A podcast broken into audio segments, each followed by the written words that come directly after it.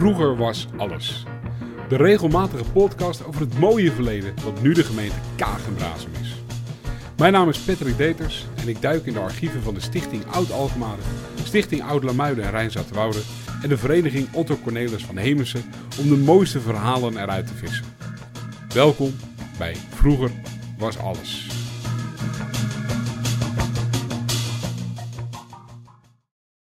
We gaan naar Wouwbrugge, rond 823. De eerste leenheer of leenman die wordt aangesteld in de streek rondom het huidige Wouwbrugge was Jacob van der Woude.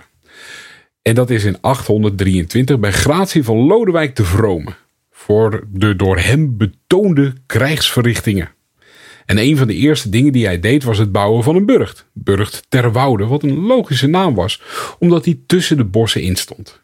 En rondom die burcht komen allemaal lijfeigenen te wonen. Ja, lijfeigenschap is een situatie waar iemands lichaam letterlijk wordt beschouwd als het eigendom van een heer, een landsheer of een heerser van een bepaald gebied. Het is een vorm van horigheid die in de Europese middeleeuwen veel voorkomt. Uiteindelijk is die burcht bezweken en de mensen die daar woonden zijn vertrokken naar IJselijke Wouden, het huidige Wouwbrugge. En de laatste leenman in die lijn was Jacob van der Woude de 17e en die overleed in 1503. En daarna komen nog een aantal andere families naar voren via vererving of verkoop. Namen die je nog steeds vindt in Wouwbrugge in de straatnamen, zoals Van Hoogstraten, Cornelis Kempenaar, Van Eichten, Schellinghout, Vingerhoed, Verrilli, Van Wassenaar. Zoals ik al eens verteld heb, een heer van een heerlijkheid mocht allemaal eisen stellen aan belastingen, windrechten, waarin ze bijvoorbeeld mochten bepalen wie er wel of geen molen mocht hebben, benoemingen van belangrijke functies, zoals de, de baljuw en dertien welgeboren mannen die middelmatige jurisprudentie hadden en uitspraken deden over civiele en criminele zaken.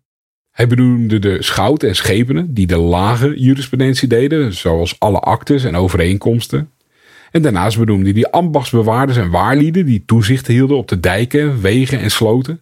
Hij benoemde de dienaar van het gerecht, klapwaker, een soort van wijkagent, de schoolmeester die tevens voorzanger en koster was, klokkenluider, de doodsgraver, de weesmeesters van het weeshuis, de vroedvrouw en veerlieden en schipper van het veer. En over die laatste wil ik het hebben, want we kennen al heel lang een heel bekend veer, namelijk het veer bij het paddengat tussen Wouwbrugge en Roelevarensveen. Het paddengat zelf is een stukje water tussen de weide A, Woudwetering en het Braasemermeer. In een oud morgenboek van IJselijke Wouden wordt er ook wel gesproken over de hoelsloot. Een hoel is een ring, dus eigenlijk een soort ringsloot. Anderzijds staan er op oude waterstaatskaarten ook nog wel eens de naam poldergat. En waarschijnlijk verwijst die naam naar inderdaad een gat in de oude doorgebroken dijk van 1788. Het poldergat. En die oude dijk bestaat nog steeds, is nog steeds te zien. Dat zijn namelijk de hemmen. Dat zijn de restanten van de oude dijk van de Vier Ambachtspolder. En waarom de naam uiteindelijk Paddengat is geworden is voor mij niet duidelijk. Maar zoals ik net al zei, de ambachtsheer van de heerlijkheid IJselijke Wouden en de heer Jacobswoude ging over het veerrecht en dus ook het recht om een veerman aan te stellen. En we zien dat voor het eerst in 1735 terugkomen. Als er een alleenrecht van de vrijheren van IJselijke Wouden en heer van Jacobswoude tot de aanstelling komt van een overzetter voor één enige overvaringen en overvaringen om geld te doen. Sterker nog, in datzelfde schrijven wordt voorgesteld dat niemand anders iemand mag overzetten voor geld. Dus er bestaat een monopolie op overzetten. En bijzonder is om op te merken dat in die eerste akte is vastgelegd dat het de heerlijkheid iets kan zeggen over beide oevers. Het zou betekenen dat we wat we nu kennen als de Groenewoudse kade in Roelevaarsveen niet in Roelevaarsveen lag vroeger, maar in IJselijke Wouden. En blijkbaar heeft dat nogal een tijdje geduurd, want pas in 1959 is het officieel tot Alkmaar gaan behoren. In 1775 vinden we terug dat J.J. de Jong wordt aangesteld als overzetter van de Zwetpolder op de hoek van de Roelevaartsvien. En dat deze overzetter voor deze functie ieder jaar aan de rentmeester van de heerlijkheid 23 gulden moet betalen. En daarvoor had je dan het alleenrecht op overtochtjes waarvoor je geld mocht vragen. In 1806 tot 1850 zijn het de vader en zoon de Jeu de Veermannen. En zij wonen aan een huis dat wordt aangeduid als het Noordeinde 1 aan de oostzijde van het dorp. Alleen, Wouwbrugge kent tegenwoordig helemaal geen Noordeinde meer. Zou de Bodens Hoosangweg voorheen het Noordeinde geweest kunnen zijn? De, de weg ligt aan de oostzijde van het dorp en loopt naar het noorden. Dus Noordeindelijk klinkt eigenlijk best wel logisch. En in diezelfde stukken vinden we een akte van aanbesteding, waar G. van der Geer, een, timmerman, de opdracht wordt gegeven om een overzet huisje aan het paddengat af te breken en te vervangen door een nieuw woonhuis voor de som van 747,5 gulden. En het eigendom van dit huisje en het dijkpad, van het noordeinde tot aan het veer, horen samen tot de veerrechten van de ambachtsheer. De laatste ambachtsheer die dit recht had, was Cornelis Kempenaar. Die overlijdt in 1851 en in zijn boedelscheiding staat het huis en de veerrechten niet direct benoemd. En nu ontstaat er een onduidelijke situatie. Want het ontroerend goed wordt wel overgenomen en pas in 1912, bijna 60 jaar later, duikt het weer op. Dan verkoopt B. Hoogwerf Kempenaar de behuizing van de veerman met daaraan verknocht het recht van veer aan H. van Lulling. En in 1914 wordt het huis opnieuw gebouwd en een jaar later verkopen ze alles door aan hun dochter Greetje van Lulling en haar man Gijs van der Limp. Wederom wordt het huis verkocht met daaraan verknocht het recht van veer. Hun dochter trouwt met Jaap Kinkel en die neemt het huis en de veerrechten weer over.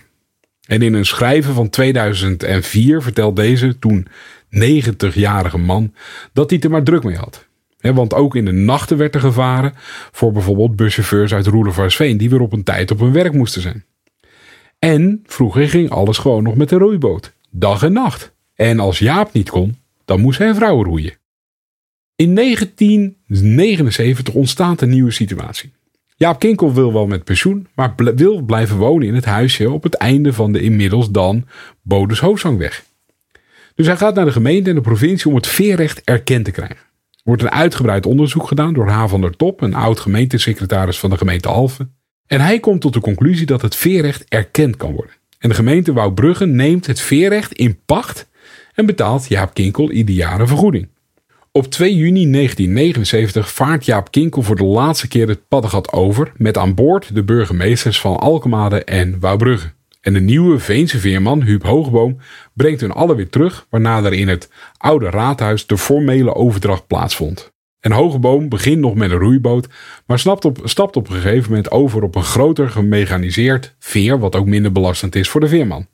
Daarna gaat het over naar Eddy Rietveld en de woonboot verschijnt bij het veer als huisvesting. En in 1990 komt er zelfs een tweede pont bij en een tweede aanlegplek bij de Oude Landse Dijk om wandelaars en fietsers nog meer moois te bieden. Remco Jonkman is de volgende schipper en wordt weer opgevolgd door Wout van Leersum. Van Van Leersum die vandaag nog steeds de uitbater is van het veer. En in 2004 hebben ze het over 80.000 passagiers per jaar. In 2014 komt ineens een bijzonder krantenartikel langs in het Leids Dagblad. Want inmiddels is de gemeente Kagen-Brasem eigenaar geworden. En de gemeente wil van het pacht af voor de veerrechten die zij betalen aan nabestaanden van Jaap Kinkel. Een rechter besluit dat het onderzoek van H van de Top niet meer rechtsgeldig is en dat het inmiddels is verjaard. De nabestaanden krijgen geen vergoeding meer voor het veerrecht wat in pacht was genomen. Sterker nog, het veerrecht verdwijnt. En daarmee komt het laatste veerrecht in onze gemeente ook te vervallen.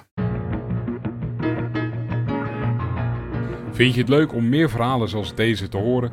Abonneer je dan op de podcast. Dat kan via iTunes, Google of via de website www.vroegerwasalles.nl. Op die laatste website vind je ook links naar de historische stichtingen en vereniging en alles wat je nog meer zou willen weten over de live voorstellingen. Wil je de podcast helpen? Word dan lid van een van de historische stichtingen of vereniging, want daarmee zorgen zij dat deze mooie geschiedenis blijft bestaan. Graag tot de volgende. Vroeger was alles.